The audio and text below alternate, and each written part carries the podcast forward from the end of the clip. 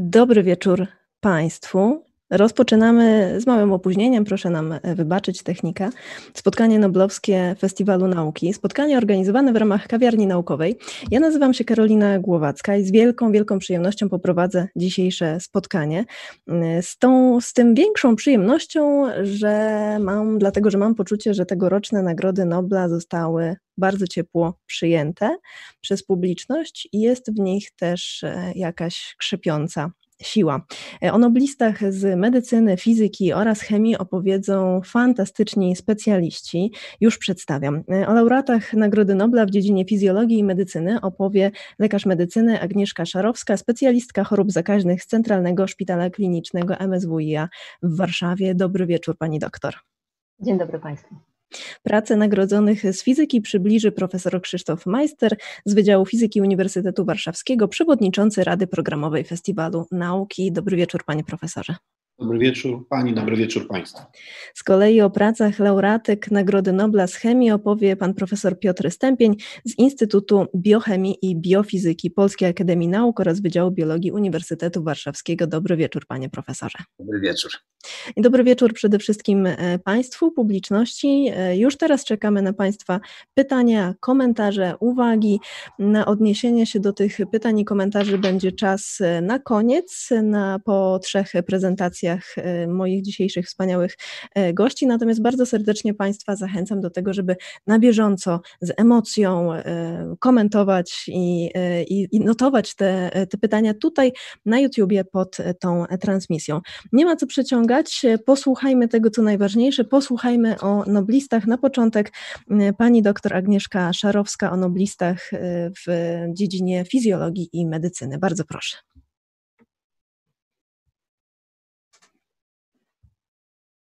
Dzień dobry Państwu. Ja chciałam powiedzieć o odkryciu, które na pewno zmieni świat. Na pewno y, już teraz widzimy to, jak wielki wpływ na świat medycyny, na naszych pacjentów ma to, że ci trzej wielki, wielcy naukowcy dokonali swojego odkrycia, doprowadzili do tego, że pojawiło się światełko w tunelu no, dla chorych, chorujących na przewlekłe wirusowe zapalenie wątroby typu C. E, trzech wielkich naukowców, którzy swoją ciężką pracą, e, nietraceniem nadziei na to, że uda się znaleźć ten kolejny wirus, e, doprowadzili do tego, że my lekarze mamy szansę na to, żeby diagnozować i leczyć. Jeżeli chodzi o same wirusowe zapalenia wątroby, znane są już, na początku nie były znane jako wirusowe, ale już wiele lat przed naszą erą, już Hipokrates i już Galen mówili o tym, że są, jest choroba, żółtaczka, która najprawdopodobniej łączy się z sezonowością, z pokarmem. Następnie przypuszczali, że może być e, czynnikiem zakaźnym, przenoszonym między e, różnymi osobami. E, kolejne badania, badania już z XX wieku, szczególnie w latach 40. XX wieku, prowadzone przez wielu naukowców doprowadziły do tego, że już wiedzieliśmy, że jest typ e, A zapalenia wątroby typowo przenoszone przez e, drogę pokarmową oraz zapalenie wątroby typu B przenoszone przez krew, przez płyny ustrojowe, e, typowa infekcja, która była opisywana głównie po wielkich akcjach szczepień, gdzie przy stosowaniu niejałowego sprzętu dochodziło do zapaleń wątroby, żółtaczki, e, uszkodzenia funkcji wątroby wśród kilkuset osób z tłumu zaszczepionych. W związku z tym naukowcy nie poprzestali na tym, badali dalej, diagnozowali, e, szukali przyczyn, skąd wywodzą się tak ciężkie choroby wątroby i w latach 60. XX wieku Bloomberg odkrył, zidentyfikował i opisał wirusa, wirusa zapalenia wątroby typu B. I e, dzięki niemu, dzięki jego staraniom mamy testy diagnostyczne, mamy skuteczną szczepionkę. On za swoje odkrycia dostał również Nagrodę Nobla, ale było wiadome, że to nie jest wszystko, że jeżeli chodzi o wirusowe zapalenia wątroby, to nie tylko te dwa typy. I e, w pewnym momencie wszyscy wiedzieli, że jest coś jeszcze pojawiły się kolejne problemy z wirusowymi zapaleniami wątroby, które były określane jako nie A, i nie B. I w tym momencie mamy naszego pierwszego noblistę, pierwszego wielkiego naukowca. E, ja specjalnie na długo będę zostawiała zdjęcia na mojej prezentacji, żeby te osoby zostały, były rozpoznawalne. Musimy wiedzieć, komu zawdzięczamy to, że jesteśmy w stanie wyleczyć coraz więcej osób z wirusowych zapaleń wątroby. Harvey James Alter, e, amerykański wirusolog, który e, od 1969 roku zatrudniony jest w Amerykańskim Instytucie Zdrowia. E, on wykazał, że większość wirusowych zapaleń wątroby po transfuzji krwi nie ma związku już ze znanymi wirusami, czyli nie ma związku z wirusem typu A i typu B. Wiedział, że to musi być coś innego udowodnił, że jeżeli pojawia się zapalenie wątroby u pacjentów po różnego rodzaju transfuzjach czy szczepieniach, jeżeli, jeżeli tą krew przeniesiemy na szympansę, wtedy u szympansów występuje zapalenie wątroby. Wykazał, że jest to nieznany czynnik zakaźny, że jest to wirus, który może doprowadzić do zapalenia wątroby i na pewno nie jest to ani wirus typu A, ani wirus typu B. W tym momencie jego badania zatrzymały się, ale pojawił się na naszej ścieżce nowy naukowiec, który włożył kolejny ogromny wkład w to, e, żeby zidentyfikować tego wirusa. E, Michael Hutton, e, kanadyjski biochemik, wirusolog pochodzenia brytyjskiego, zajął się typowo badaniem DNA. On u szympansów, w krwi zakażonego szympansa zbadał DNA i wykazał, że wśród typowego genomu samego szympansa znajdują się też fragmenty niezidentyfikowane. On był w stanie te e, fragmenty e, oczyścić, zidentyfikować, a następnie sklonować wirusowe DNA kodujące białka wirusa, a na, następnie na bazie tego klonu e, wykazał, stworzył pochodną nowego wirusa RNA.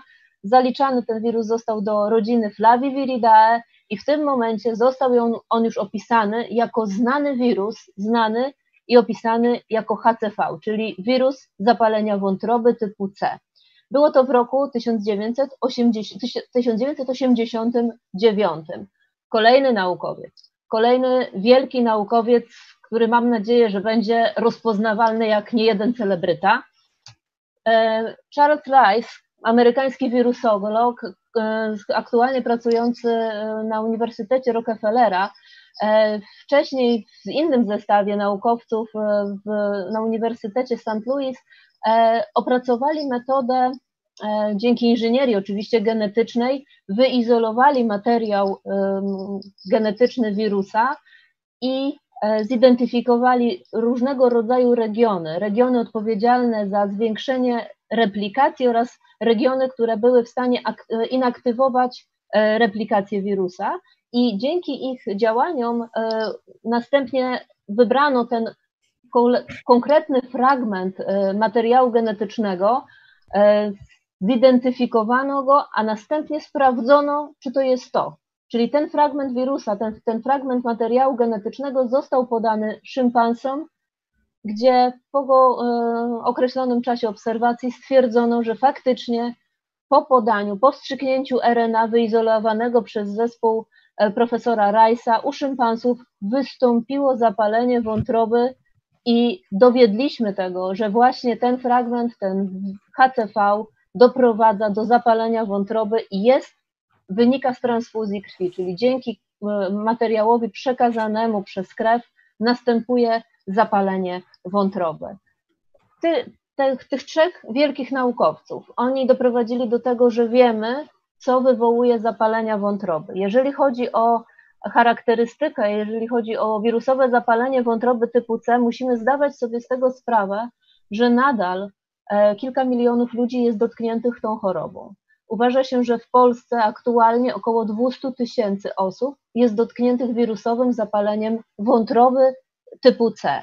E, jeżeli chodzi o zgony, uważa się, że około 400 tysięcy zgonów ludzi na świecie umiera co roku ze względu na powikłania wywołane chorobą, jaką jest przewlekłe wirusowe zapalenie wątroby typu C. Jest to choroba bardzo skryta, przebiegająca wiele lat bez objawów W związku z tym bez diagnostyki, bez możliwości, jaką dali nam ci trzej naukowcy, nie bylibyśmy w stanie jej wykryć.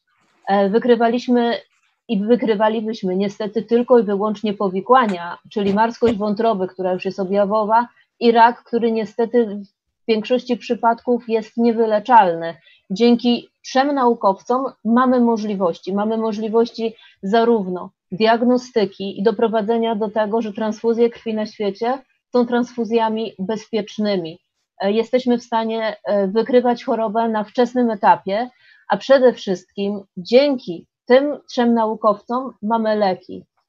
I mamy leki, które e, doprowadzają do prawie, no, aktualnie to już stuprocentowego wyleczenia, jeżeli chodzi o wirusowe zapalenie wątroby typu C, gdzie wcześniej, gdy ja zaczynałam pracę z moimi pacjentami jeszcze w, w poradni wirusologicznej, często musiałam moim pacjentom powiedzieć, że nie mam już dla nich innych terapii, że moje możliwości się zakończyły. W związku z tym jestem w stanie tylko patrzeć, w jakim szybkim tempie, oby nie szybkim, rozwijali powikłania wirusowego zapalenia wątroby typu C.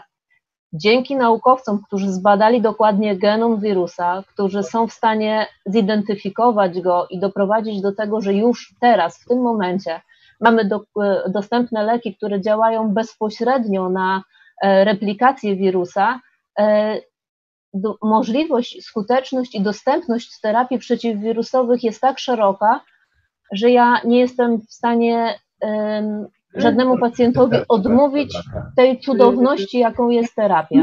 Tu wiemy, że terapie aktualnie trwają do kilku tygodni. W niektórych przypadkach jesteśmy w stanie je skrócić nawet do, do 6 czy 8 tygodni. E, leczenie nie przynosi żadnych powikłań, jest to leczenie dobre, skuteczne i bezpieczne.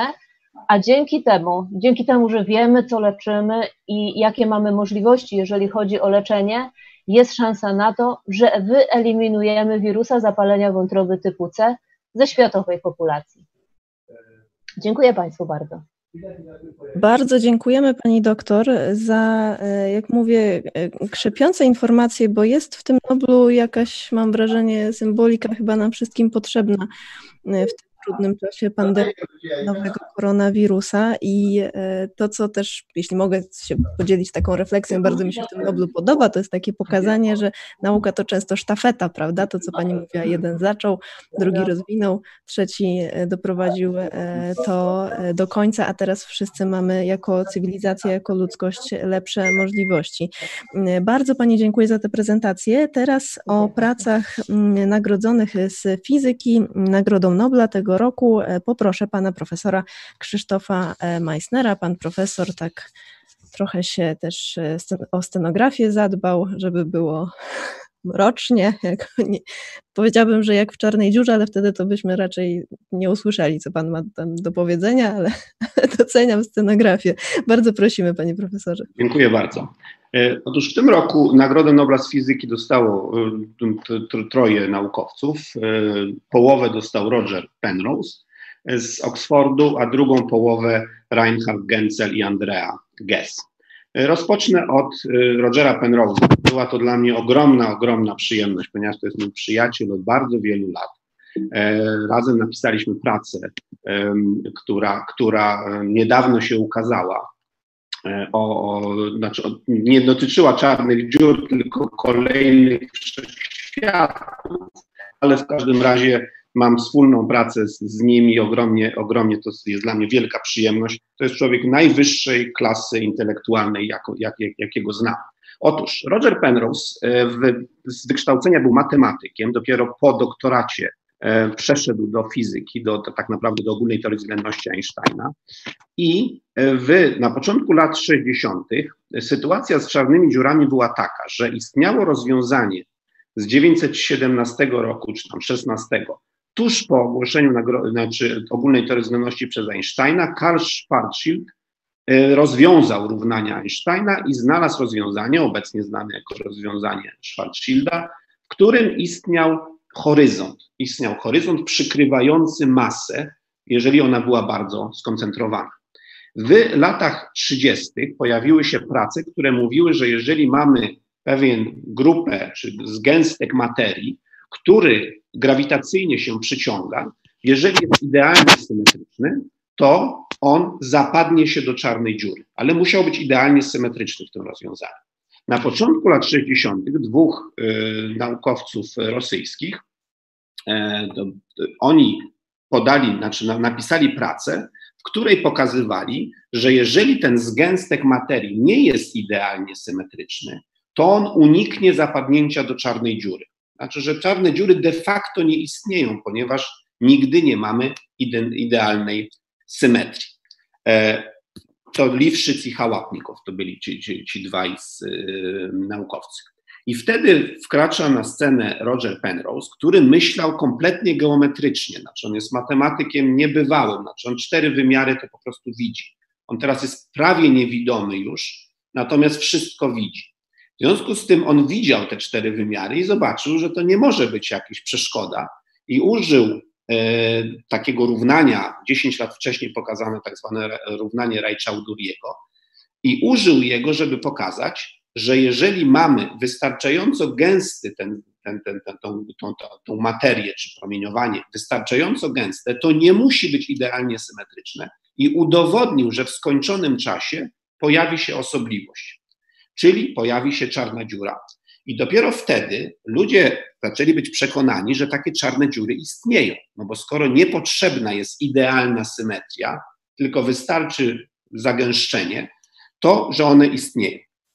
Zresztą rok później Hawking, Stephen Hawking, słynny, słynny fizyk, który, który użył dokładnie metod Penrose'a, żeby pokazać, że wszechświat musi albo zacząć z osobliwości, albo skończyć w osobliwości. I to są twierdzenia Penrose'a, Hawkinga o osobliwościach. Zresztą kolejność jest nieprzypadkowa, zawsze używamy alfabetycznej, a tutaj jest Penrose'a Hawkinga, bo Penrose był ewidentnie przed Hawkingiem.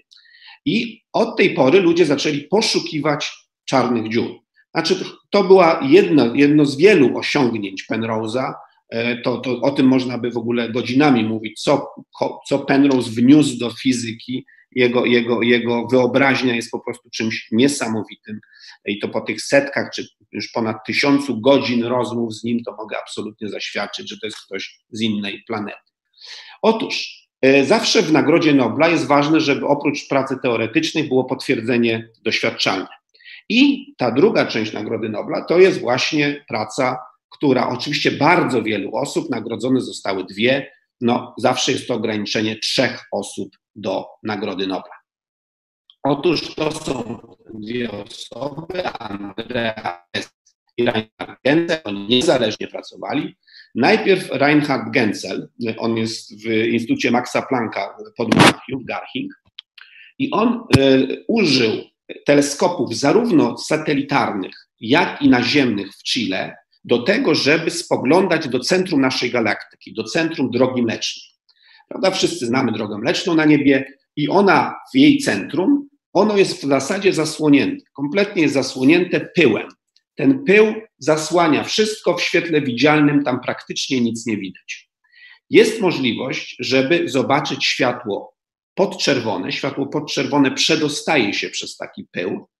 I jego ideą było, żeby użyć teleskopów właśnie w bliskiej podczerwieni, żeby tam spojrzeć.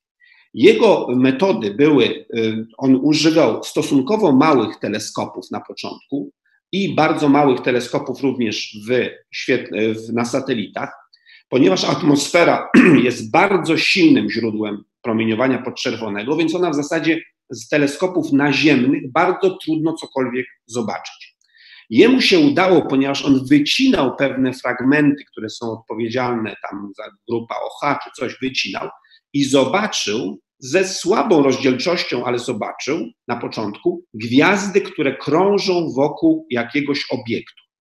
I te gwiazdy, które krążyły, zaczął mierzyć ich położenie, natomiast ta rozdzielczość nie była dobra. I w tym momencie właśnie wkracza pani Andrea, która, ona była wtedy w UCLA, w, w Los Angeles, i ona użyła e, teleskopu e, Keck, który jest na Hawajach, na bardzo, bardzo wysoko, w bardzo dobrych warunkach.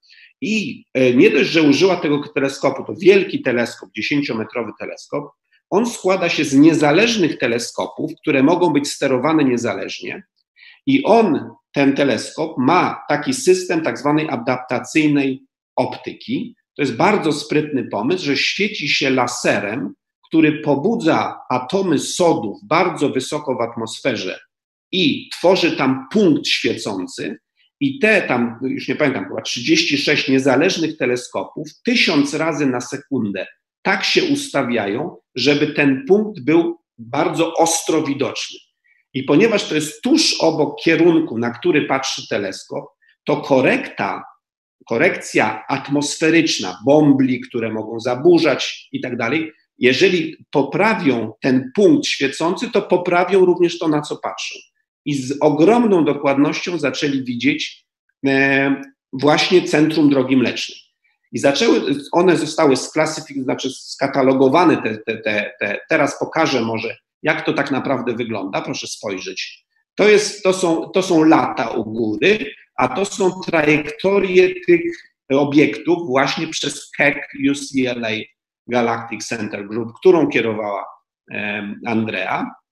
Proszę zobaczyć, one wszystkie krążą wokół punktu, który jest czarny. To jest ten punkt, a one krążą wokół tego punktu i z e, orbit, teraz jedna z tych, z tych gwiazd już domknęła się, to znaczy za, za, zakończyła, że tak powiem, e, obrót wokół, te, wokół tego punktu. Z, z, z trajektorii można obliczyć, jaka jest masa tego obiektu niewidocznego, który tutaj jest w tej gwiazdce.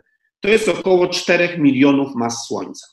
I to po prostu ewidentnie widać, powiedzmy, gołym okiem, jeżeli to oko jest czułe na podczerwień, to gołym okiem to widać.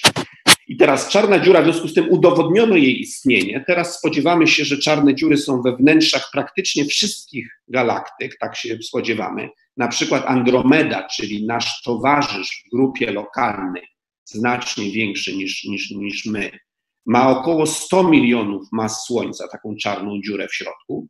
Czarne dziury to są kwazary, jest dużo bardzo dowodów. W każdym razie to jest bezpośredni dowód, że coś, że te gwiazdy krążą wokół czarnej dziury.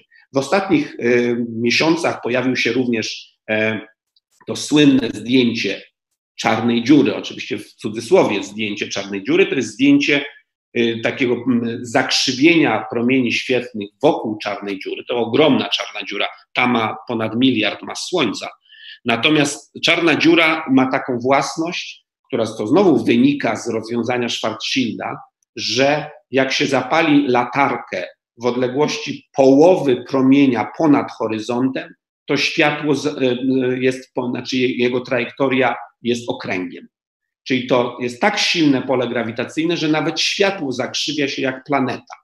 W związku z tym, jak, się, jak jest bliżej, no to wpadnie do czarnej dziury, jak jest dalej, to się oddali, ale w każdym razie ten obszar jest koncentrujący całe promieniowanie i to jest to, co widzimy, to jest światło za takiej czarnej dziury i ono zostało skoncentrowane na tym promieniu. W każdym razie teraz nie mamy żadnych wątpliwości, że czarne dziury istnieją.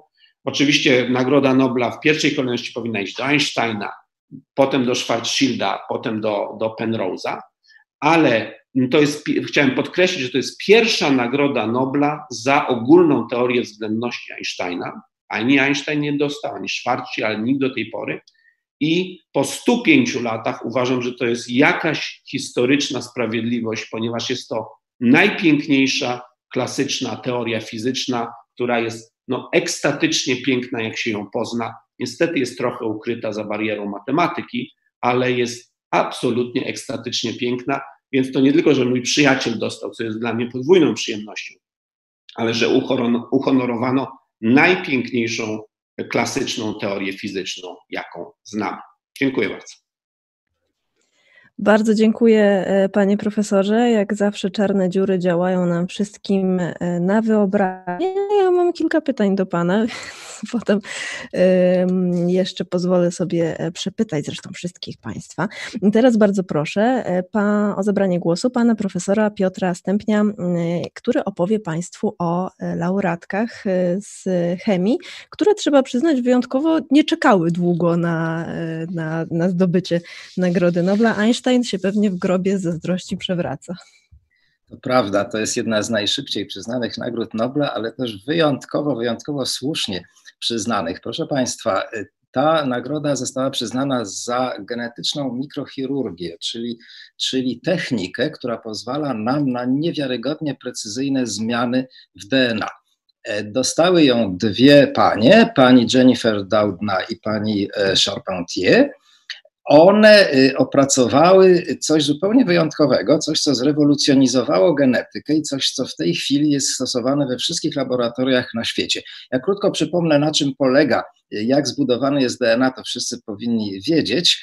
E, generalnie rzecz biorąc, są to sekwencje takich liter w DNA. Mamy tych liter cztery i genom człowieka zawiera 3 miliardy takich par zasad. Mamy około 25 tysięcy genów kodujących białka. I teraz y, rzecz, którą, którą genetycy zawsze mieli y, z tym problemy, to jest jak dostarczać e, czy zmieniać geny w żywych komórkach takie ulubione zajęcia to jest albo można zepsuć gen, oczywiście po to, żeby dowiedzieć się, do czego on służy, albo naprawić potem ten zepsuty gen, albo dodać gen, albo usunąć gen. To są te podstawowe narzędzia. I teraz, żeby to zrobić precyzyjnie, y, to było szalenie trudne. To były stare metody, gdzie można było albo użyć jakiegoś działa, które wrzucało złote kulki opłaszczone DNA, albo można było wirusy wrzucać do komórek. To wszystko było i nieprecyzyjne, i niedostatecznie e, wydajne. Natomiast to, co dokonało właśnie owej rewolucji, to jest technika tej mikrochirurgii. Ona ma skomplikowaną, długą nazwę CRISPR-Cas9 i polega ona generalnie rzecz biorąc na tym, że wykorzystuje zasadę parowania zasad w DNA. To znaczy, tutaj Państwo mają po lewej stronie taką krótką sekwencję DNA, po o, nie, nie jest udostępniony ekran, to bardzo mi przykro, ale sekundę, ja muszę najpierw wyjść i zrobić share screen. I teraz mam nadzieję, że Państwo to widzą. A teraz jest lepiej? Tak, lepiej, dobrze. Teraz robimy tak, czyli dobrze, to ja już proszę Państwa nie wrócę do tych slajdów, które były. Ja zakładam, że wszyscy wiedzą, jak zbudowany jest DNA. I to, co, to, co zrobiły obie panie, to jest rodzaj takiego GPS-u, czyli, czyli systemu, który nakierowuje, e, nakierowuje sekwencję DNA, nakierowuje na tę sekwencję e, enzym, który jest w stanie przeciąć niesłychanie precyzyjnie nić DNA i dzięki temu przecięciu można uzyskać albo wbudowanie innej sekwencji, albo korekcję tego, co chcemy skorygować. Tak więc tu jest, o właśnie, to jest najważniejszy slajd i bardzo dobrze, że on się w tym momencie pokazał na, na Państwa ekranach. To jest na górze e, e, przedstawienia, niestety nie, nie, nie mam tutaj strzałki, którą Państwo by widzieli. Ten szary kształt to jest enzym Cas9, i ten enzym działa w taki sposób, że musi on być złączony z cząsteczką RNA, która ma jak gdyby dwa obszary. Pierwszy obszar, obszar po prawej stronie tak, jednak, ale ja nie widzę, więc ja nie wiem, gdzie on jest na moim ekranie. Dobrze, otóż to po prawej stronie to jest taka sekwencja, która łączy się z tym białkiem enzymatycznym i wobec tego ten enzym zawsze dysponuje owym systemem naprowadzającym, a ta część po lewej, która tu jest na różowo, to jest przez nas syntetyzowana cząsteczka, która jest idealnie homologiczna do tego kawałka DNA, o który nam chodzi.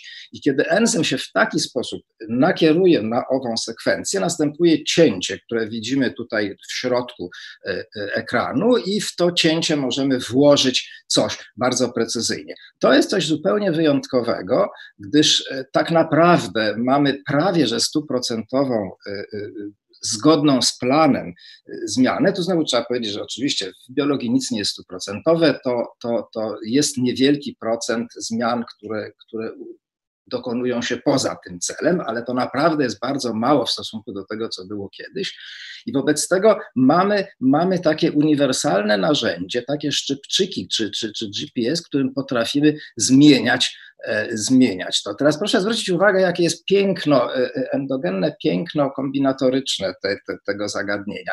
Jeżeli mamy taką sekwencję naprowadzającą, to pytanie jest, jak długa ona musi być, żeby rzeczywiście precyzyjnie utrafiła w cel. Proszę zwrócić uwagę, co mamy na górze, to jest taka przykładowa sekwencja DNA, ATG, CAG, prawda? Otóż na, w pierwszej pozycji mamy cztery możliwości, bo mamy cztery zasady, w drugiej pozycji AT to już mamy 16 możliwości, z trzecią pozycją razem taki kawałek ATG, czyli trzy zasady kolejne to są 64 możliwości i tak dalej, i tak dalej. I łatwo wyliczyć, znaczy może nie tak bardzo łatwo, bo to jest bardzo duża liczba. Otóż liczba możliwych kombinacji takiego odcinka, który ma 15 zasad długości wynosi już miliard to znaczy 4 do potęgi 15. I to jest piękno y, y, y, tego, co zrobiły obie panie, to znaczy dostarczyły narzędzie do zmiany w zasadzie dowolnej. To znaczenie tego dla nauki jest w ogóle trudne do przecenienia. Ja z, z, zobaczyłem, ile jest publikacji. Otóż od chwili, kiedy ta technika została opublikowana, było to 8 lat temu, okazało się około 20 tysięcy publikacji naukowych, które wykorzystywały te, tę technikę CRISPR do zmiany DNA. Tu y, ilość y, y, eksperymentów, które mogą służyć dla ludzkości, dla nauki, jest zupełnie nieograniczona. Można utworzyć lek, na przykład ludzkie przeciwciała monoklonalne na COVID-19, które wytwarzane są w roślinach. Prawda, to jest przyszłość, na którą czekamy, to znaczy czekamy na te przeciwciała monoklonalne. Któraś z firm w Stanach w tej chwili już oczywiście zaczęła je produkować i to jest trzecia faza badań klinicznych. Z drugiej strony, dla nas genetyków to jest też niewiarygodnie ważne. Genetyk na zakupach. Ja już, już w, w, w lutym dostałem oferty firm farmaceutycznych, które zbadawszy szybciutko, czy dowiedziawszy się, jaka jest sekwencja wirusa COVID, już oferowały zmodyfikowane komórki i komórki, w których został wklejony ten gen i komórki, które wytwarzały białko, białko spike i tak dalej, i tak dalej. Wobec tego wszystko to jest możliwe. Można także modyfikować całe organizmy, nie tylko komórki. Można mieć myszy, które mają dodany lub usunięty gen, to oczywiście znowu wyłącznie po to, żeby się dowiedzieć, do czego taki gen służy. Możemy mieć rośliny z obcym genem, który wprowadzamy aby, aby mieć ulepszone e, e, rośliny, czy, czy to oporne na suszę, czy oporne na, na herbicydy, czy, czy, czy, czy posiadające dodatkowe cechy, na których nam zależy. Wreszcie z takich przykładów, których naprawdę jest zbyt wiele, żeby, żeby tu Państwu opowiadać, no ale w 2017 na przykład pozbawiono świnie retrowirusów. Otóż okazało się, że w genomie świni jest około kilkudziesięciu retrowirusów i kiedy się myśli o tym, żeby mieć organy do transplantacji ze zwierząt, to oczywiście obecność takich retrowirusów uważana jest za niebezpieczeństwo. To jest oczywiście cały, cały problem, czy rzeczywiście doczekamy się takich organizmów zwierzęcych, które by nam mogły dawać organy do transplantacji, bo tam oczywiście jest problem szybkiego odrzucenia takiego przeszczepu. No niemniej takie świnie zostały uzyskane właśnie ową metodą. No i wreszcie taka ciemna strona tej metody to jest to, że tą metodą można również modyfikować człowieka i taka pierwsza próba modyfikacji genetycznej się odbyła dwa lata temu. W zapłodnionych oocytach zastosowano tę metodę z celem szczytnym, mianowicie uzyskanie czy, czy, czy, czy, czy urodzenie dzieci, które były odporne na AIDS. I rzeczywiście to się udało w tym sensie, że trójka dzieci się urodziła. To jest zabronione we wszystkich krajach cywilizowanych, w tym w Chinach. I ten pan, który to zrobił, E, niestety musi odsiadywać wyrok trzech lat więzienia za podobny eksperyment. Generalnie rzecz biorąc, większość e, jest, e, znaczy większość społeczeństw uważa to za, za, za niegodne, nieetyczne i przede wszystkim przedwczesne, dlatego że my nie rozumiemy jeszcze bardzo wielu rzeczy, jak działają geny i, i te manipulacje genetyczne to u myszy w porządku, u człowieka nie. Także mamy problemy etyczne, czy te metody są bezpieczne i czy jeżeli są bezpieczne, to chcemy je stosować. No i oczywiście tutaj nie mogę się powstrzymać przed, przed zacytowaniem mojego ulubionego autora Stanisława Lema, który to już przewidział w latach 60. właśnie tego typu zabawy genetyczne i że można było wytworzyć zupełnie nowe popędy, które dawały znacznie więcej przyjemności niż, niż jedzenie czy seks. Nazywały się rybcenie, handanie i mandolenie i oczywiście co z tego wynikło, od, od, odsyłam Państwa do książki Dzienniki Gwiazdowe. Także tu główny problem oczywiście z człowiekiem jest taki, że jeżeli chcemy, e, mysz żyje dwa lata i szybko możemy zobaczyć efekt, natomiast u człowieka należałoby poczekać 80 lat, żeby zobaczyć, czy ten efekt nie ma jakichś skutków ubocznych. Także co jeszcze się dzieje, co jeszcze się dzieje w tym roku e, jako taki no, wynik, e, czy, czy, czy zastosowanie tych właśnie osiągnięć naszych obu noblistek. To jest taki trening limfocytów pacjenta, aby zwalczały nowotwór, czy, czy próba korekcji mutacji, która powoduje ślepotę. To jest, to jest taka modyfikacja już pacjenta bezpośrednio, bezpośrednio dokonywana w gałce ocznej. Także tu możliwości są zupełnie niewiarygodne i na sam koniec chciałbym wspomnieć, że to odkrycie nie wzięło się znikąd, to znaczy to odkrycie bazowało na bardzo dużej ilości poprzednich prac. Już w 1993 roku pewien badacz hiszpański odkrył takie sekwencje, których znaczenia jeszcze się nie domyślał, które sekwencje DNA powtarzające się, które były w bakterii. Okazało się, że te sekwencje to jest taki system immunologiczny bakterii do obrony i właśnie wykorzystują one białko Cas. Także w 2005 roku badacz litewski e, e, był w stanie uzyskać takie sterowane cięcie DNA i problem niestety. Znaczy on w moim przekonaniu zasłużył na Nobla, nie dostał, a to z tego powodu, że wprawdzie złożył pracę do druku przed paniami Daudna i Charpentier, ale ta praca ukazała się później ze względu na opieszałość redakcji, czy też jakieś złośliwości recenzentów. I wreszcie dość niesławna historia, to jest pan Zhang, e, chyba z Harvardu, który zobaczywszy pracę e, obu naszych noblistek, postanowił szybciutko wykonać taki eksperyment na komórkach E, ludzkich i, i, zażądać patentów i te patenty uzyskał i, i, też była taka kontrowersja, czy, czy on zasługuje na Nobla, czy raczej jest zasługuje na, na, na no powiedzmy sobie o negatywną ocenę, jeśli chodzi o e, postępowanie e, etyczne w nauce. Także to chyba wydaje mi się jest wszystko. Dziękuję Państwu za uwagę i rozumiem, że przechodzimy do pytań. Serdecznie dziękujemy. Tak, najpierw robimy escape. Panie teraz profesorze. Tak, teraz sprawy techniczne. Tutaj zrobię tak, tu zrobimy stop sharing. Już jest dobrze, panie profesorze. Już jest dobrze, tak? Tak, tak jest, tak, tak jest.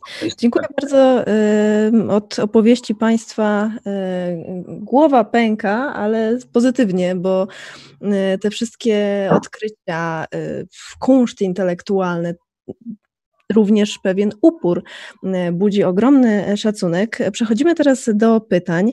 E, jest pytanie do pani doktor Szarowskiej. Czy każda krew przed transfuzją jest poddawana badaniom genetycznym pod kątem obecności wirusa typu C? Musimy zdawać sobie z tego sprawę, że w Polsce tak. W Polsce, e, jeżeli chodzi o transfuzję krwi, jest to bardzo bezpieczny proces, gdzie krew jest poddawana badaniu w kierunku wielu wirusów, między innymi też wirusa typu C, e, badań genetycznych, badań antygenowych, żeby sprawdzić, czy ta krew jest bezpieczna. Następnie jest poddawana odpowiedniemu tak zwanemu leżakowaniu, czyli zazwyczaj, żeby mieć pewność, że ta krew jest pewna, to czekamy do drugiego, drugiej donacji osoby, która się zgłosi do punktu krwiodawstwa po raz drugi. Wtedy robimy jej badania i wiemy, że nic się w niej przez ten okres nie wylęgło i mamy pewność, że ta nasza przebadana krew, którą już mamy zmagazynowaną, jest krwią bezpieczną. Ale no, niestety tylko, e, nie, znaczy w wielu krajach Europy, w wielu krajach zachodnich Europy tak właśnie jest, ale musimy zdawać sobie z tego sprawę, że takie procedury, takie bardzo rygorystyczne procedury nie są we wszystkich krajach na świecie. W związku z tym, jeśli zdarzy nam się konieczność transfuzji krwi, powiedzmy w Egipcie, w Tajlandii, możemy niestety spotkać się z tym, że te badania w naszej krwi, którą dostaniemy ze względu na, na potrzeby nasze e, życiowe, zdrowotne, nie zostanie odpowiednio przebadana. Wszystkich Państwa nas oglądających zachęcam do zadawania pytań e, tutaj w komentarzach na YouTubie pod naszą transmisją. Od razu pozwolę sobie Panią e, dopytać, a co ze szczepionką e, na wirusa typu C, wirusa zapalenia wątroby typu C? Jest ona gdzieś na horyzoncie?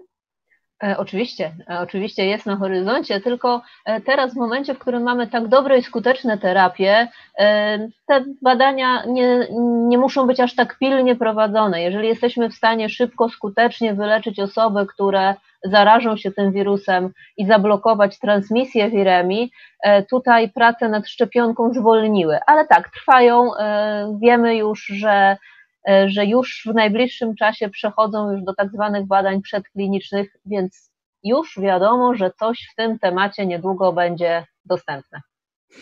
Bardzo dziękuję. Następne pytanie pozwolę sobie e, skierować do pana profesora mm, Meissnera. E, czy ten słynny obraz z zeszłego roku można nazywać zdjęciem, czy właściwie obrazem, grafiką e, komputerową, wiedząc jak on powstał? Panie profesorze. Znaczy, to, to jest zdjęcie. Oczywiście ono nie jest takim surowym zdjęciem, zawsze takie zdjęcia ulegają pewnej obróbce ale de facto y, czarne dziury są soczewkami, to znaczy one, y, światło, które za nimi jest, one, że tak powiem, modyfikują. Tam zakrzywienie czasoprzestrzeni jest tak duże, że one działają jak, jak soczewka. To jest dla nas zupełnie nie, nie, nie, niewyobrażalne, dlatego że my sobie myślimy o, o promieniu światła jako niemal linii prostej, prawda? zakrzywienie przy Słońcu, to co Eddington zmierzył w 1919 roku, testując teorię Einsteina, to były tam dwie sekundy kątowe łuku, no, czyli praktycznie nic. Natomiast w pobliżu czarnych dziur to zakrzywienie jest bardzo, bardzo duże. W związku z tym tego typu obrazy, które mogą być w ten sposób również się szuka na przykład dużych mas, przez to, że jest to soczewkowanie grawitacyjne. Natomiast w pobliżu czarnych dziur zarówno czas na przykład niesłychanie wolno płynie, e, w związku z tym tam ten człowiek nie jest młodszy oczywiście przez to, ale tam by był młodszy, jakby wrócił na Ziemię na przykład. Podobnie zakrzywienie promieni słonecznych, promieni światła, które, które, które definiują linię prostą tak naprawdę. Tam ta linia prosta nie jest linią prostą. W związku z tym to, jest, to są prawdziwe zdjęcia, no w tym sensie, że, rzeczywiście one ogniskują światło, które za nich jest wysłane.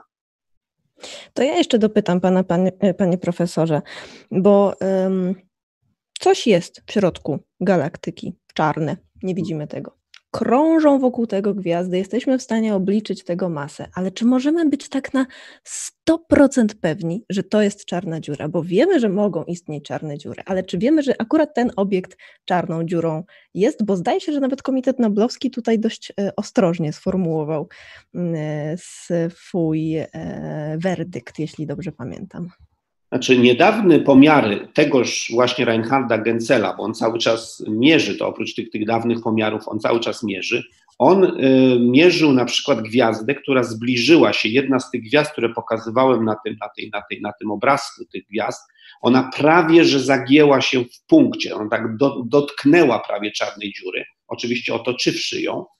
Otóż ona się zbliżyła na e, 17, o ile pamiętam, 17 godzin świetlnych od tegoż obiektu. My jesteśmy 8 minut świetlnych, ale nie wiem, czy dobrze pamiętam, chyba 17 godzin świetlnych. No w każdym razie i on zmierzył na przykład jej prędkość w tamtym punkcie i sprawdził, czy Einstein miał rację, że coś z taką prędkością poruszające się, będące tak blisko takiego obiektu, czy ma przesunięcie czasu, czy czas inaczej biegnie i zgodziło się idealnie z teorią Einsteina.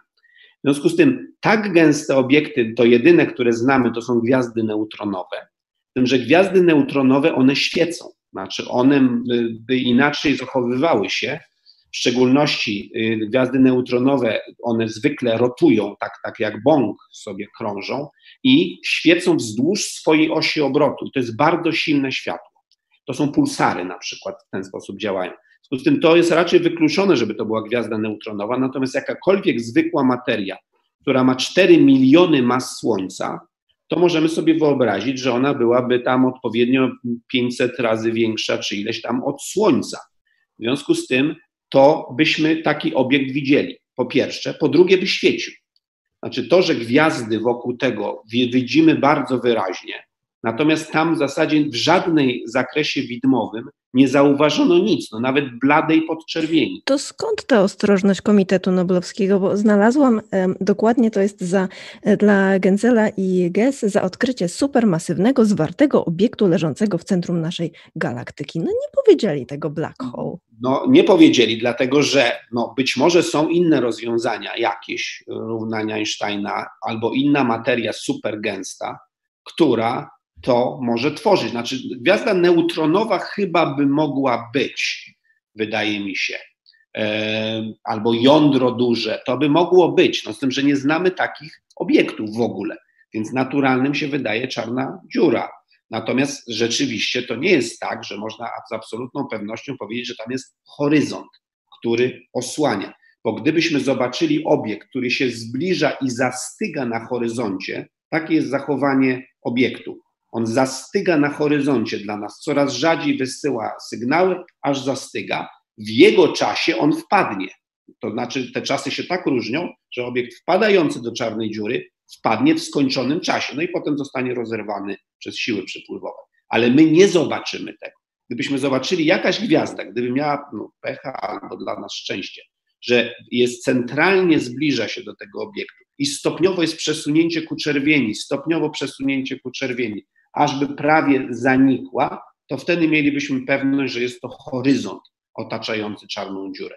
Tutaj tego nie ma, tu mamy tylko obiekty, z których możemy wydobyć tylko tą, tę wiedzę, że nie świeci i ma masę 4 miliony mas Słońca, ale nie mamy absolutnej pewności, że jest tam horyzont co czyni to odkrycie jeszcze bardziej fascynującym. E, państwo zadają pytania mm, i nieustannie do tego zachęcam. E, teraz pozwolę sobie zadać własne pytania e, do pana profesora Stępnia. Panie profesorze, jakby Pan jeszcze nam e, przybliżył, bo e, kombinowanie z genetyką nie jest przecież e, odkryciem naszych laureatek tegorocznych. Wcześniej też to robiliśmy. Jest chociażby hasło, które niektórych do tej pory niesłusznie niepokoi, jak GMO. Czym różni się jeśli chodzi, nie wiem, o precyzję być może, e, to, co zaproponowały tegoroczne laureatki od wcześniejszych naszych możliwości modyfikacji genetycznych, bo mówi się, że chociażby od rolnictwo to nie jest nic innego jak modyfikacje genetyczne, tylko robione no, w mniej precyzyjny sposób. To, ta różnica jest fundamentalna w tym sensie, że y, y, mamy narzędzie do dokonywania A z ogromną wydajnością, B z nieopisanie y, wielką precyzją, znaczy precyzją co do jednego nukleotydu, to znaczy ta precyzja już dalej pójść nie może, to znaczy nie, nie, nie ma mniejszego, mniejszej jednostki w DNA niż nukleotyd, prawda, bo sekwencja DNA to jest sekwencja nukleotydów.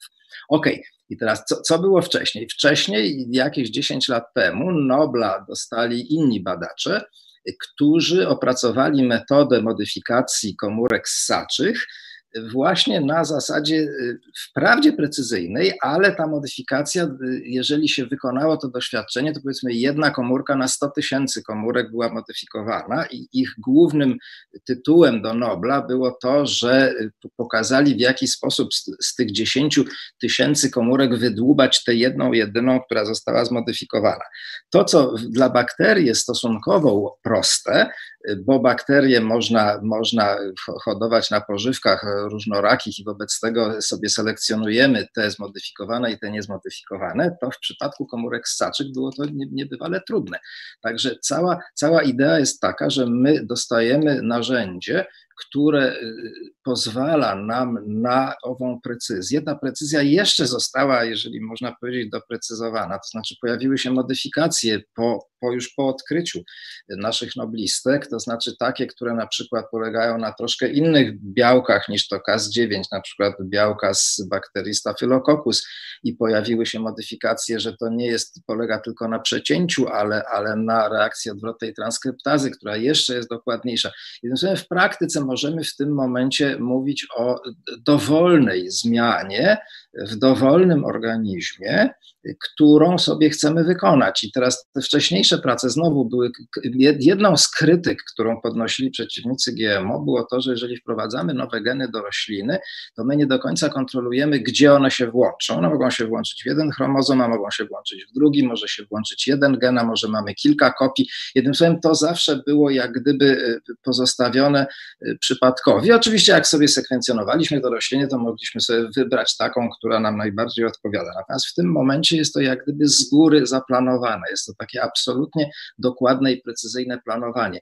Jak widać, to otwarło y, jakiś zupełnie niewiarygodny postęp. Te, te 20 tysięcy prac naukowych to jest właśnie obraz tego, w jaki sposób y, światowa genetyka przyjęła z wdzięcznością to, to odkrycie naszych no, noblistek i oczywiście też zagadnienia komercyjne, to znaczy, że możemy sobie w tej chwili kupić i mysz z dowolnie zmienionym genem i możemy sobie zamówić w firmie, jeżeli mamy na przykład komórki ludzkie i chcielibyśmy do nich wprowadzić precyzyjnie właśnie choćby białko, białko wirusa COVID czy wirusa hepatitis C dla jakichkolwiek y, y, naszych, naszych celów naukowych, to, to wystarczy zadzwonić do firmy, mieć kilka tysięcy dolarów i, i oni to robią w, tam w tydzień czy dwa właśnie dlatego, że to się stało tak proste.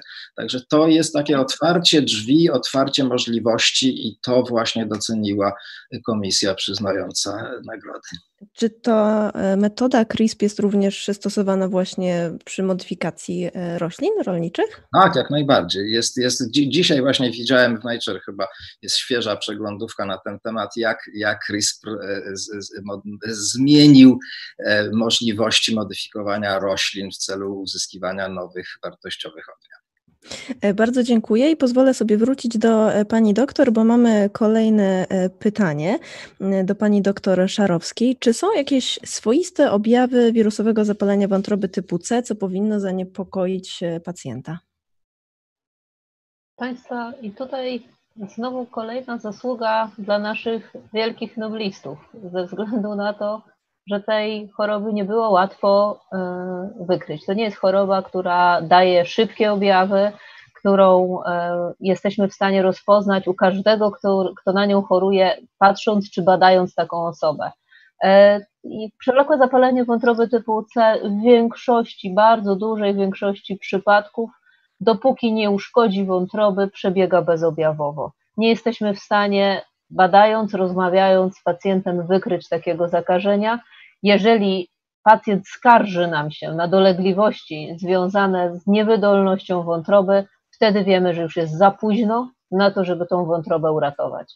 Dlatego te badania, ci nobliści, którzy w tym roku dostali nagrodę, jeszcze raz przypomnę, y, Alter, Hutton i Rice, doprowadzili do tego, że mamy możliwości diagnostyczne, mamy możliwości wczesnego rozpoznawania już u dzieci, u noworodków, u kobiet w ciąży, u, e, u każdej osoby, która jest z grupy ryzyka zakażenia. W związku z tym nasza, nasza możliwość i diagnostyki i leczenia jest tak duża. To jak powinniśmy jako społeczeństwo profilaktycznie do tego podchodzić? Mówi Pani z grupy ryzyka. Kto jest w tej grupie ryzyka, a nawet jeśli w niej powiedzmy nie jestem, to czy, nie wiem, powinnam oddać krew raz na jakiś czas, żeby sprawdzić, y, czy się nic tam nie dzieje? Co by Pani polecała?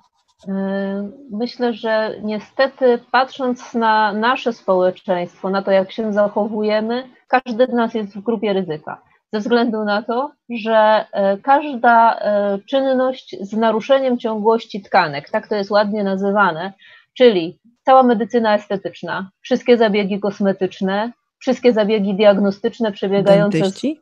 Dentyści oczywiście, jak najbardziej też, ale lekarze, kolonoskopie, e, gastroskopie, wszystkie badania, których może kiedykolwiek pojawić się narażenie na krew. Owszem, mamy procedury zapobiegające, mamy y, konieczność sterylizacji, badań, ale wystarczy drobny, mały błąd i zakażenie może się przenieść. Poza no tym pamiętajmy. Pani wszystkich wystraszyła. E, szczerze. Poza tym pamiętajmy, powinniśmy Już nie pamiętać. Idę do mojego dentysty. powinniśmy pamiętać przede wszystkim o tym, że jeżeli zakaziliśmy się, to zakaziliśmy się w latach 80. i 90.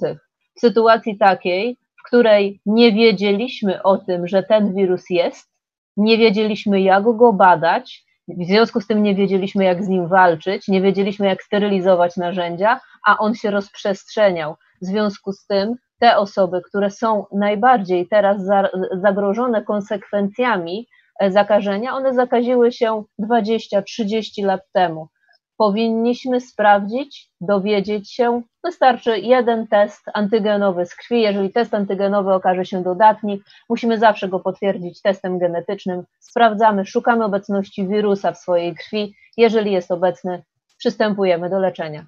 Tu od razu jest pytanie y, od smutnego pana. Y, czy oddając krew honorową jestem automatycznie badany na obecność wirusa? Tak, zawsze zawsze niezależnie od tego, gdzie tą krew się oddaje, czy to są różnego rodzaju y, akcje y, poboru krwi, czy to zgłaszanie się do punktów krwiodawstw, krwiodawstwa. Jak najbardziej krew od krwiodawców zawsze jest krwią badaną. Bardzo dziękuję i kieruję się teraz do pana profesora. Panie profesorze e, Meissnerze, jeśli mogę tak powiedzieć, otóż pytanie katastroficzne. Uwaga. Czy galaktyki stopniowo zbliżają się do czarnej dziury i ostatecznie zostaną przez nią wchłonięte? Czy wszyscy skończymy we wnętrzu czarnej dziury? No więc należy przypuszczać, że tak. To znaczy, my mamy przed sobą y, jeszcze mniej więcej 5 miliardów y, palenia się Słońca, z tym, że już to, to palenie się Słońca jest, będzie coraz szybsze, w tym sensie, że za miliard lat mniej więcej, może trochę wcześniej, wy, wyparują oceany na Ziemi. Znaczy, tak się podniesie temperatura, że nie będzie oceanów. W związku z tym już będzie troszkę mniej przyjemnie tutaj mieszkać bo nie będzie wody w ogóle w postaci ciekłej. Następnie po 5 miliardach lat my y, wygaśnie Słońce. Ze Słońcem nic strasznego się nie stanie, to znaczy ono eksploduje jako czerwony olbrzym, po czym straci powiedzmy połowę swojego materiału i skurczy się jako biały karzeł. Także nie będzie tutaj. Natomiast my zbliżamy się do Andromedy. I e, galaktyka Andromedy, która jest radykalnie większa niż nasza, mniej więcej za 5 miliardów lat, te same 5 miliardów, e, tam jak nastąpi zderzenie i wchłonięcie, dlatego że galaktyka Andromedy jest znacznie większa, czarna dziura jest radykalnie większa niż nasza, więc w sumie jak wygaśnie Słońce, to my w końcu znajdziemy się wszyscy w czarnej dziurze, z tym, że czarne dziury parują. To już powiedział Hawking. I w związku z tym to nie będzie tak, że koniec są to po prostu grupa czarnych dziur we wszechświecie, y, odległych od siebie, tylko one wyparują, więc zamienimy się na fotony y, ostatecznie. Y, chyba bez pamięci tego, co robiliśmy wcześniej, ale jako fotony nie będzie nam płynąć czas.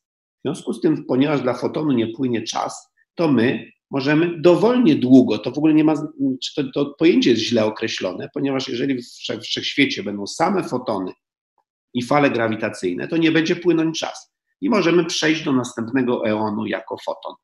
Także należy dramatycznie schudnąć i wtedy przejdziemy do następnego eonu, z tym, że to trzeba bardzo schudnąć, bo trzeba stać się bezmasowym. Także, ale tak, w międzyczasie czarne dziury prawdopodobnie wszystko wchłoną. Tak. Ja mogę mieć pytanie? Tak. Bardzo proszę, panie profesorze. Pytanie. Wszechświat ma tylko fotony, a fotony nie mają masy, to skąd się wezmą fale grawitacyjne? Ale grawitacyjne są cały czas we wszechświecie, mierzymy je, one również są bezmasowe. W związku z tym fale grawitacyjne powstają na przykład przy zderzeniu czarnych dziur. To jest to, co mierzy, mierzyło e, LIGO. Ten eksperyment zmierzył fale grawitacyjne. My jesteśmy cały czas przenikani falami grawitacyjnymi. Dziura ma masę, prawda? Czarna dziura ma masę, ale ona no emituje z siebie głównie fotony i fale grawitacyjne.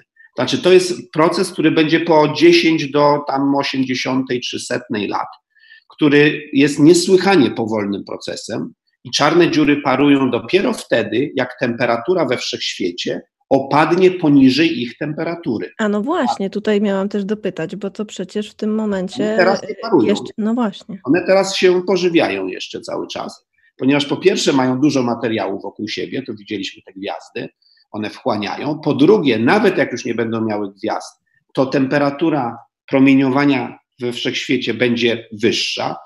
Nasze Słońce, jeżeli by zajęło, stało się czarną dziurą, to by miało temperaturę mniej więcej jedną miliardową Kelwina. W związku z tym, dopóki temperatura nie spadnie poniżej jednej miliardowej, to one jedzą. A dopiero jak spadnie poniżej, one stają się troszkę gorętsze, tylko to będzie niesłychanie powolny proces, jak one będą parować. Panie profesorze, od razu, e, bo Pan wspomniał o eonach, więc to mi przypomniało, że widziałam tutaj pytanie, czy mógłby Pan e, przybliżyć, um, przepraszam, cytuję z głowy to pytanie, ale swoją koncepcję Rogera Penrose'a e, dotyczącą właśnie wszechświatów. No to króciutko. Mianowicie Roger Penrose wymyślił tak zwaną teorię foremną, cykliczną kosmologię, w której my jesteśmy w ramach naszego wszechświata, skończymy jako grupa fotonów i czarnych dziur. I teraz on ma koncepcję, że ta grupa fotonów w bardzo zimnym, dużym, wielkim wszechświecie ulegnie kompresji te fotony się zaczną, czyli to, to może nastąpić kiedykolwiek, bo nie płynie czas, w związku z tym trudno powiedzieć, kiedy to nastąpiło. I one po kompresji, one zaczynają się ze sobą zderzać, produkować masywne cząstki, bardzo gorące, jest urodzenie nowego eonu. I teraz nasza praca, między innymi to było pokazanie, że w naszym wszechświecie promieniowaniu tła są ślady po poprzednim wszechświecie, po poprzednich czarnych dziurach, które wyparowały w poprzednim wszechświecie. One zostawiają pewien charakterystyczny ślad i tego śladu my szukaliśmy na mapach Plancka, na mapach satelity Planck i wydaje nam się, że znaleźliśmy te ślady. No, w związku z tym e, nasze przekonanie jest, że to są, jak, ale oczywiście, ponieważ mamy jedną mapę promieniowania tła, to na jednej mapie, zawsze mówię, może być również słonik z ogonkiem, przypadkowo. Ale tu tych słoników jest więcej. W związku z tym ja jednak uważam, że, że ta nasza praca pokazuje coś niezwykłego na mapie promieniowania tła, które według tej koncepcji jest śladem po poprzednim wszechświecie. Zresztą nazwaliśmy to punktami Hawkinga jako jedyny dowód na parowanie czarnych dziur, ponieważ obecnie takiego dowodu mieć nie możemy, bo żadna czarna dziura nie paruje. E, bardzo dziękuję. To było pytanie od pana Michała. Udało mi się e, znaleźć, a nie jest to łatwe, bo państwo pytają i pytają, to jest fantastyczne. Bardzo dziękuję. Pytają i komentują. Pani Ewa na przykład napisała, że zamienienie się w foton niespecjalnie e, ją przeraża, czyli mamy tutaj pewnego rodzaju optymizm. Dla tych z państwa, których to przeraża, możemy chyba powiedzieć, że nie należy się tym tak bardzo przejmować, bo przecież większość pierwiastków, atomów, które budują nasze ciała, kiedyś było we wnętrzach gwiazd, bo inaczej nie mogłoby powstać, więc e, spokojnie sobie tak po prostu krążymy w tym e, wszechświecie. E, pan Piotr słusznie pyta, kto żyje 5 miliardów lat, więc nie ma się co przejmować. Pan, wywołam teraz pana profesora Stępnia jeszcze raz, bo jest e, pytanie, e, które jest bardzo ważne i myślę trudne. Nie wiem, czy, czy Pan jest w stanie coś na ten temat powiedzieć, bo rzecz jest e, czysto medyczna. Czy można stosować technikę CRISPR w terapii genowej przy SMA1 i tym samym obniżyć koszty terapii? Ja, są, ja nie wiem, czy to można y, stosować w terapii SMA1, bo prawdę mówiąc nie pamiętam, czym jest SMA1. To stwardnienie rozsiane, jeśli dobrze pamiętam, u małych dzieci. Teraz jest... Proszę Państwa, tu, tu, jest, tu jest podstawowy problem, czy jest boczne, jak po, wada genetyczna. Mhm. Czy stwardnienie rozsiane jest wadą genetyczną, czy stwardnienie rozsiane jest, nazwijmy to, wadą metaboliczną.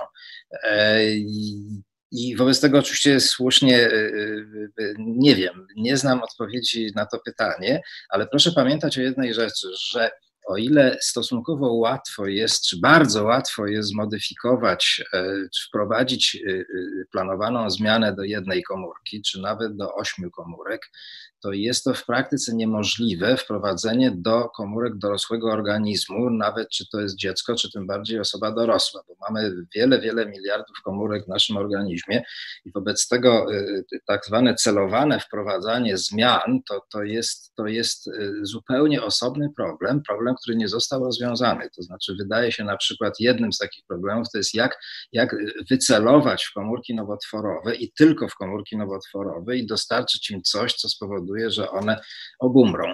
I tu, e, tu jest, e, to wymaga dodatkow, dodatkowej Nagrody Nobla, podejrzewam, to znaczy na stworzenie takiego systemu, który by w sposób bez poważnych skutków ubocznych był w stanie nacelować się na jakąś z naszych tkanek. Ja rozumiem chyba, o ile pamiętam, że stwardnienie e, rozsiane dotyczy tkanki nerwowej i wobec tego w taki sposób modyfikować czy naprawiać to, co jest zepsute w tej tkance, żeby, żeby odbudować ją, czy doprowadzić z powrotem do prawidłowego funkcjonowania. I tu jesteśmy bardzo daleko. To znaczy, znowu, być może nie jesteśmy tak daleko, być może już za rok, za pięć lat ktoś, ktoś wynajdzie taki sposób, ale chwilowo to jest problem.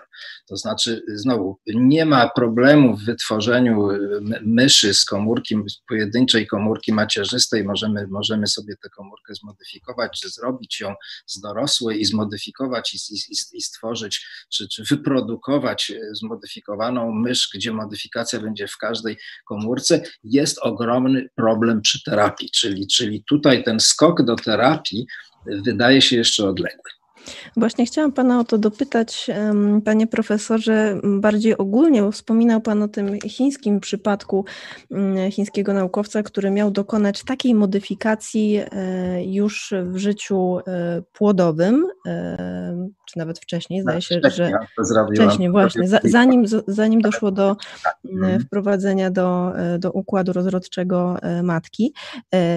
Jego cele były dobre. To te dzieci miały nie móc w przyszłości zachorować na e, HIV, o ile dobrze pamiętam, ojciec był tak. nosicielem. Tam oboje chyba byli, oboje rodzice byli, byli nosicielami wirusa i idea była taka, żeby, żeby z całą pewnością te dzieci urodzone nie chorowały, dlatego że jest wiadome, że przy, przy podczas porodu y, y, takie zakażenie może, może nastąpić. Wobec tego to, to w ten sposób on dobierał te rodziny.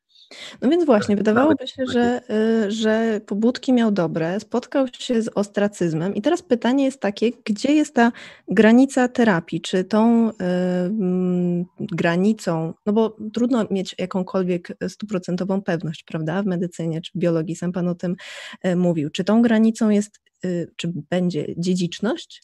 Czy to właśnie ma być to, że my mamy nie móc projektować y, kogoś, kto w ten sposób zmieniać ewolucję że ręcznie? Y, czy to ma być tak, że właśnie terapie genowe mają być wykorzystywane wyłącznie w obrębie jednego organizmu, jednego osobnika, że to nie będzie mogło być przekazywane dalej? Czy tu jest ta granica? No to w sensie prawnym to jest ta granica. Również prawo polskie zabrania tego typu modyfikacji.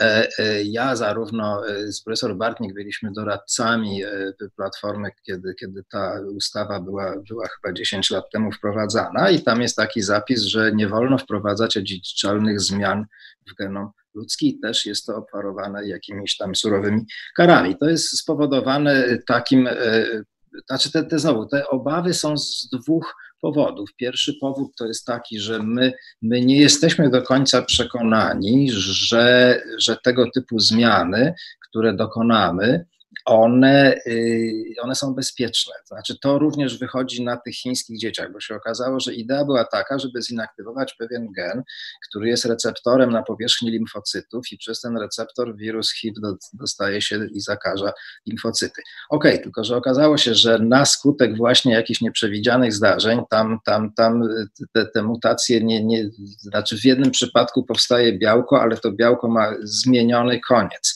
Ok, i teraz nie jest jasne, czy, czy to w jakiś sposób w którymś momencie będzie wpływało na procesy immunologiczne, czyli odporność e, e, tych dzieci, kiedy będą dorastać. Jednym słowem, my nie wiemy nic i tak naprawdę trzeba by poczekać. Także generalnie rzecz biorąc, to jest rodzaj eksperymentu i proszę zwrócić uwagę, że to nie jest terapia w tym sensie, że, że te dzieci nie były chore. My tylko usiłujemy, czy chiński badacz usiłował, je zabezpieczyć przed ewentualną chorobą, na którą notabene jest lekarstwo, prawda? Bo od, właśnie też dzięki inżynierii genetycznej e, udało się opracować dość skuteczne leki na AIDS. Tak więc tutaj mamy wiele płaszczyzn, które, które, które powodują, że e, większość większość badaczy i większość społeczeństw jest mimo wszystko przeciwnych tego, tego typu eksperymentom. Poza tym tam jest jeszcze oczywiście mnóstwo problemów, znaczy jeżeli pytanie jest na którym etapie rozwoju zarodka możemy coś takiego robić, jak sprawdzić, czy wszystkie komórki są zmodyfikowane, jeżeli modyfikujemy, dajmy na to embrion dwu, czy cztero, czy ośmiokomórkowy, no to nie, nie, nie możemy, prawda, z chwilą, kiedy dowiemy się na pewno, że każda komórka została zmodyfikowana, to już nie mamy tego embrionu, więc, e, więc to, jest, to jest powód, dla, dla którego chwilowo wydaje mi się, że, że, że tutaj ten postęp, jakkolwiek byśmy mówili, znaczy te, te eksperymenty na ludziach zostały, zostały zatrzymane, co nie znaczy, że, że, że gdzie indziej one mogłyby się odbywać. Ale znowu, proszę Państwa, mamy 8 miliardów ludzi na naszej planecie. Jeżeli nawet okaże się, że kilka osób czy kilkadziesiąt jest zmodyfikowanych, to nie możemy tutaj mówić tak naprawdę o ewolucji. Dlatego, że, że, że, że trzeba by poczekać właśnie liczbę lat, która by korespondowała z tym, co mówił profesor Meissner, żeby, żeby tego typu zmiany się rozprzestrzeniły. Dlatego, że... Pytanie, czy my już tego nie zmieniamy, ewolucji? Przecież medycyna... Zmieniamy, oczywiście, znaczy zmieniamy. Sam fakt, że wytworzyliśmy cywilizację, myśmy zmienili ewolucję y, z, z tego powodu i y, nie tylko z tego powodu, że dysponujemy technologią, ale również z tego powodu, że dysponujemy y, moralnością, która nakazuje nam na ratowanie życia za wszelką cenę, na utrzymywanie osobników, które są słabsze i które wprawdzie mogą się rozmnażać, ale są bardzo słabe i w tak zwanej brutalnej, prawdziwej walce o byt w dżungli czy na sawannach tacy ludzie by po prostu nie przeżyli.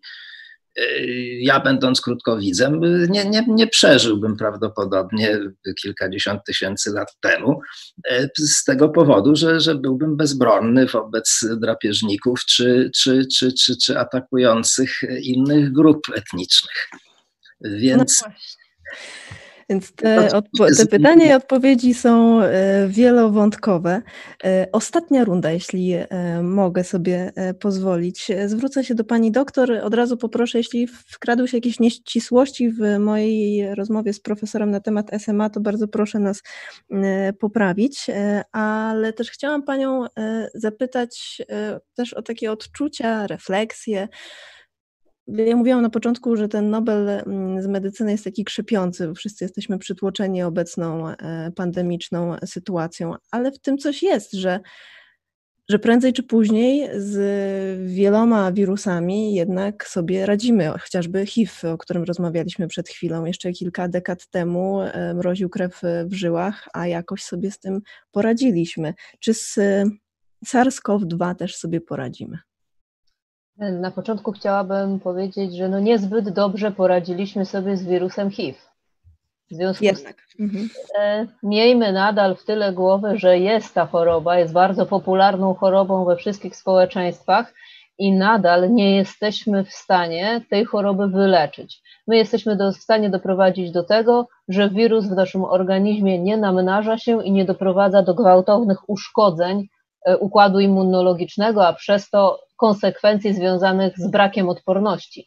Ale wirus nadal jest i jest bardzo dużym zagrożeniem. Jeżeli chodzi o y, noblistów y, i, i naukowców, którzy prowadzą różnego rodzaju badania, teraz akurat w dobie pandemii nad wirusem SARS-CoV-2, to budzi przeogromne nadzieje. My czekamy z utęsknieniem jako lekarze, ja akurat lekarz ze szpitala jednoimiennego, czekamy z utęsknieniem na szczepionkę, mimo że są fronty mówiące, że to nie zadziała, że będą nam szczepiać chipy w mózg i nie wiadomo co jeszcze. To by e, była technologia swoją drogą. To by była pewnie taka technologia, ale e, proszę Państwa, e, medycyna ma to do siebie, że jest w stanie rozwijać się prawie tak szybko jak choroby. Fajnie by było, żebyśmy się rozwijali równo z chorobami, gdzie bylibyśmy w stanie nadążyć i wyleczyć każdego, kto zachoruje, nawet na coś zupełnie nowego. Nie jesteśmy, ale tutaj chciałabym zaznaczyć, że naprawdę jesteśmy tylko maleńki kroczek za. W związku z tym jesteśmy w stanie doprowadzać do tego, że wiele chorób, które wcześniej było uznawanych za niewyleczalnych, wiele chorób, które doprowadzało do wielkich epidemii na świecie, już teraz nie budzi naszego lęku. E, nawet patrząc na e, ospę prawdziwą, której już nie ma na świecie, e, nie wyobrażam sobie teraz sytuacji takiej, w której nie byłoby skutecznego szczepienia przeciwko tak ciężkiej chorobie. To samo, jeżeli chodzi o polio, gdzie już zostało tylko kilka pojedynczych ognisk na świecie, gdzie jesteśmy w stanie doprowadzić do tego, że tej ciężkiej choroby wirusowej nie będzie i nie będzie konsekwencji, czyli głównie e, upośledzenia ruchowego u osób dotkniętych tą chorobą. Więc jak najbardziej tak, jesteśmy w stanie nadążać i jestem naprawdę pod wrażeniem naukowców, którzy pewnie teraz i dzień i noc są, siedzą i myślą, co zrobić, żeby tego wirusa pokonać i ja jestem pewna, że niedługo właśnie tak będzie, bo to jest nasz e, cel do tego, żeby zwalczyć tę epidemię. Tylko i wyłącznie zapobieganie nowym przypadkom doprowadzi do tego, że wygasimy to, z czym mamy teraz do czynienia. Miło Pani e, posłuchać e, w takim tonie. Pan Paweł e, zasmucony, że to ostatnia runda, szkoda, szkoda, dobrze się słucha, to oczywiście przede wszystkim dzięki znakomitym specjalistom, ale Panie Pawle, tutaj mamy i zmęczonych wykładowców i też Panią doktor, która chyba mogę tak powiedzieć, no jest na linii frontu z COVID-19, więc niech pośpi nam też troszkę jeszcze dzisiaj. Cieszę się, że jest Pani optymistką, to naprawdę to naprawdę e, miód na moje serce. E, panie profesorze, zwracam się do pana profesora Meissnera. Mm, mam do pana dwa pytania, ale myślę, że pan sobie z tym poradzi. Jedno pytanie od naszych e, słuchaczy, od publiczności, od pana Jacka. E, czy zdaniem profesora istnieją osobliwości pola grawitacyjnego nieosłonięte horyzontem zdarzeń, tak zwane nagie osobliwości? To jest to jedno pytanie, a ja jeszcze malutkie swoje dorzucę, bo pan wspomniał o tym, że mm, nasi badacze Genzel i e, Gess zostali nagrodzeni, ale za nimi też było dużo innych osób i to jest to pytanie, czy Komitet Noblowski jest w stanie w dziedzinie fizyki, w której są ogromne zespoły badawcze, szczególnie, tak myślę, w fizyce tak jest, e, czy będzie w stanie te trzy osoby e, jeszcze się w nich mieścić w najbliższym czasie? No więc e, pytanie pierwsze, no ogólne przekonanie jest w ogólnej teorii względności, że nagich osobliwości nie ma. To znaczy, że jeżeli jest osobliwość, to musi być przykryta horyzontem.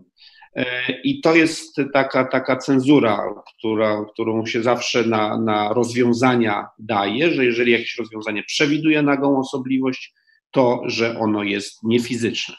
Także myślę, że, że raczej się tego, no nie, nie, nie spodziewam się, że były rozwiązania, znaczy, że są rozwiązania z nagą osobliwością, e, natomiast nie, on, one nie odpowiadają fizycznej jakiejkolwiek sytuacji. Raczej ten horyzont zawsze to przykrywa mnóstwo problemów by się rodziło, gdyby osobliwość była widziana przez obserwatora zewnętrznego. Takiego, który nie musi w nią na końcu, tak jak wewnątrz czarnej dziury, jesteśmy absolutnie zobligowani, że czas się zamienia z przestrzenią, w związku z tym, jak czas u nas biegnie w jedną stronę, to tam przestrzeń biegnie, czyli musimy się zbliżać do osobliwości i w niej tam jakoś skończyć swój, swój byt. Także to pierwsze pytanie. Spodziewamy się, że są niefizyczne takie rozwiązania. Y, y, drugie pytanie, które dotyczy, y, niech Pani przypomni, bo. Tego, że Komitet Noblowski ma narzucony limit trzech osób nagrodzonych. Tak, to jest trudne. Znaczy w tym przypadku akurat, znaczy co do Penrose'a, nikt nie miał żadnych wątpliwości, że jemu się należy Nagroda Nobla. On zrobił tak dużo i w, w fizyce, i w matematyce, słynne kafelki Penrose'a, E, za które powinien dostać Nagrodę Nobla z chemii już parę lat ładnych temu, za tak zwane quasi-kryształy, które przewidział. No nie dostał wtedy, dostał teraz. To jest powszechnie uważane za geniusza wykraczającego poza jakikolwiek czy, e, miarę czy, czy skalę. E, to, to, to, to nikt, nikt nie ma wątpliwości. Natomiast tu oczywiście z doświadczalnymi nagrodami Nobla jest problem, bo często to nie ci, którzy są, zarządzają taką grupą badawczą, są tymi, którzy wnieśli do tej grupy najwięcej. Więc to ograniczenie trzech osób fizycznie jest często bardzo trudne. E, no w tym przypadku ten Gensel to jest, jest bez, bez wątpienia, on kierował wieloma grupami i e, teleskopami w Chile, i ten, tym ESA tak zwanym teleskopem, teraz ten Very Large Telescope VLT, E, więc to tu jak gdyby nie mam wątpliwości. Ona również kierowała grupą z tym, z tym UCLA i Keck, więc tym sensie to jest jak gdyby niesprawiedliwe, bo to jest jednak bardzo, o ile e, Penrose wymyślił to sam, napisał to sam, w ogóle nie ma żadnych wątpliwości, kto jest twórcą, to tutaj ten zbiorowy wysiłek jest, że tak powiem, nagrodzony osobą, która kierowała grupą. Więc to nie zawsze tak się działo. Czasami na przykład ten szef czy rzecznik eksperymentu nie dostawał, tak w przeszłości. Ja byłem akurat w eksperymencie UA2 w CERNie, bo ja zaczynałem jako doświadczalnik w ogóle. Byłem w eksperymencie UA2 i dostał szef UA1, Carlo Rubia, a szef UA2 na przykład nie dostał. Więc to czasami jest to bardzo taka. No i co, panie profesorze, co powiedział? Wyklinał trochę pod nosem? E, no, no, to w ogóle grupa UA2 poczuła się wykluczona wtedy, więc ja potem zmieniłem się na teoretyka, więc to przestał być mój problem. A myślałam, że pan przejdzie do UA1, żeby będzie. Nie, to już było po Noblu. To był 83 rok. E, więc, więc no, to jest oczywiście wielki problem. Znaczy, dlatego na przykład organizacja typu CERN nie dostaje no bo kto tam miałby dostać, no dyrektor aktualny CERN-u, no nie wnosi tego, co. Więc to jest wielki problem, ale z drugiej strony otwarcie się na, na to, że dowolna grupa osób wywołałoby jeszcze większe animozje, bo dlaczego się dodało dało 18 osobom, dlaczego nie 23? E, tutaj no, zawsze jest ten problem. Czasami, jak dostają dwie osoby, to na to trzecie miejsce mnóstwo osób się tam szykuje, e, ale jak dostały trzy, no jakoś trzeba to było wybrać. No. Także, mm, znaczy, ja się mówię, powtarzam, bardzo się cieszę, bo on, znaczy oprócz tego, że jest moim przyjacielem, od wielu, ja u niego mieszkam, jak jestem w Oksfordzie i w ogóle u mnie w domu bywał i w ogóle, więc to jest dla mnie wielka przyjemność osobista. Natomiast oprócz tego wszyscy absolutnie jednym głosem twierdzą, że on Nobla powinien dostać. Mm, tylko właśnie problem z um, tymi wielkimi infrastrukturami badawczymi. Zobaczymy, jak komitet będzie sobie z tym radził. Um, ostatnie pytanie do pana profesora. E, pan profesor Piotr Stępień. Czy CRISP to już jest wszystko, czego nam potrzeba? Czy to jest narzędzie doskonałe? Czy jeszcze są jakieś um, sprawy, um, które są do rozwiązania, jeśli chodzi o jeszcze lepszą edycję genów, jeszcze bezpieczniejszą? Y, znaczy, ja podejrzewam, że, że, że, że już zbliżyliśmy się do, do, do tego momentu, kiedy, kiedy nie, nie, można wymyślić czegoś lepszego, dlatego że skoro potrafimy wymienić w żywej komórce jeden pojedynczy nukleotyd z kilku miliardów i możemy sobie powiedzieć, że ten i właśnie tylko ten, bo na, na to mamy ochotę z takiego czy innego teoretycznego zamysłu, y, no, no, no, no, no to już więcej nie można, prawda? Znaczy, można by sobie pomyśleć, dobrze, wiemy też, że, że DNA jest modyfikowane prawda, że jest metylowane i ta metylacja jest bardzo ważna. Wobec tego, czy moglibyśmy sobie wymyślić metodę, która y, w sposób celowy y, daje jakąś metylazę lub demetylazę? Y, jest niewykluczone, że to w tej chwili się robi, bo znowu, skoro potrafimy ten enzym doprowadzić do konkretnego miejsca na zasadzie parowania sekwencji, czyli na zasadzie odnalezienia tylko tego jedynego miejsca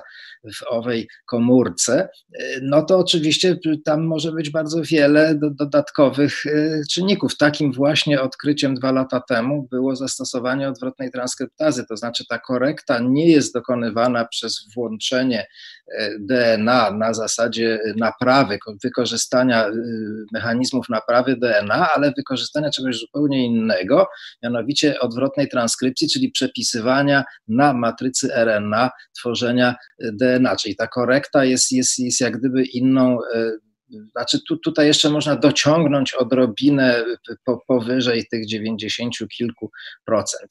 Ale ja sądzę, że, że, że, że główny problem leży gdzie indziej. Znaczy, główny problem leży w tym, żeby leczyć pacjentów i w jaki sposób to można zastosować do leczenia pacjentów. Nie tak, żeby, żeby wyizolować powiedzmy krew czy komórki z, z szpiku i tak dalej i modyfikować, ale żeby można było podać coś w formie załóżmy jakiegoś zastrzyku i że tamte wektory odnajdywałyby odpowiednie komórki, wnikały do tych komórek i tam prowadziły owe, owe, owe zamiany genów. I tu jesteśmy chyba jeszcze daleko i to jest na pewno coś, co, co w jaki sposób ta metoda mogłaby, znaczy nie sama metoda, bo ta metoda już istnieje, tylko taki wehikuł, którym, którym ten kompleks CRISPR-Cas dostarczamy do różnych komórek. Chodzi, chodzi tu o to, żeby, żeby ten wehikuł został udoskonalony, czy też wręcz wynaleziony całkiem na nowo, żeby można było, załóżmy, pobudzać komórki nerwowe do, do ekspansji. Wyobraźmy sobie przerwany rdzeń kręgowy, i chory jest sparaliżowany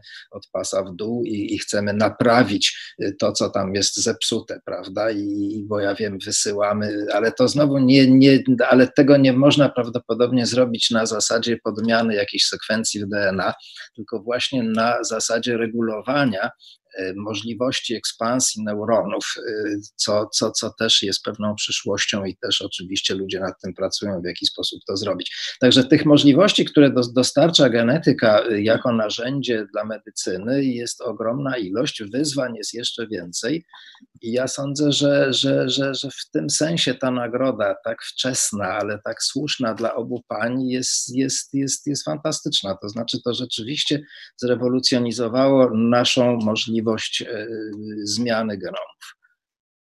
Bardzo dziękuję można, panu wszystkim. Można, tak, można proszę bardzo.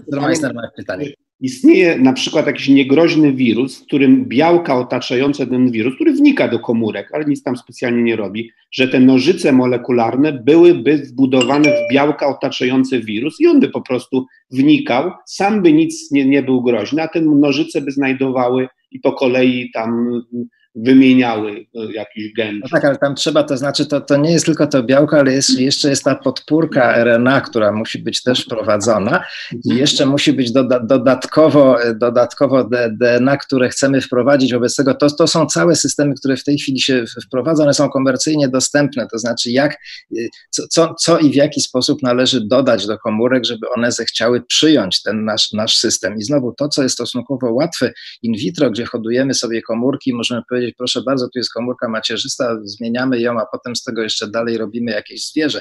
To, to, to jest w porządku. Wszystko, problemy zaczynają się wtedy, kiedy mamy do czynienia z żywym pacjentem i jak zrobić to, żeby ten pacjent nie miał skutków ubocznych i żeby to zmieniało Żywy się. Pacjent zawsze największy problem. Tak, tak, tak to jest, no ale, ale, ale, ale jest nadzieja. Bardzo serdecznie Państwu mm, dziękuję. Spłyną do nas y, sympatyczne komentarze ze strony naszej publiczności. Pan Michał, dziękuję za wszystkie wykłady, udzielone odpowiedzi. Kieruje również miłe słowo dla mnie. Bardzo y, dziękuję. Pani Barbara pisze, bardzo się cieszę, że tu trafiłam, a z kolei smutny pan e, pisze, wiele sił dla pani doktor do dalszej walki z COVID-em. Przyłączamy się do tego wszyscy. Pani doktor Agnieszka Szarowska, bardzo serdecznie pani dziękuję. Pan profesor Krzysztof Krzysztof Meissner. Dziękuję panie profesorze i pan profesor ja. Krzysztof Stępień. Ja się nazywam Karolina Głowacka. Dziękuję państwu serdecznie. Do usłyszenia, do zobaczenia. Do zobaczenia.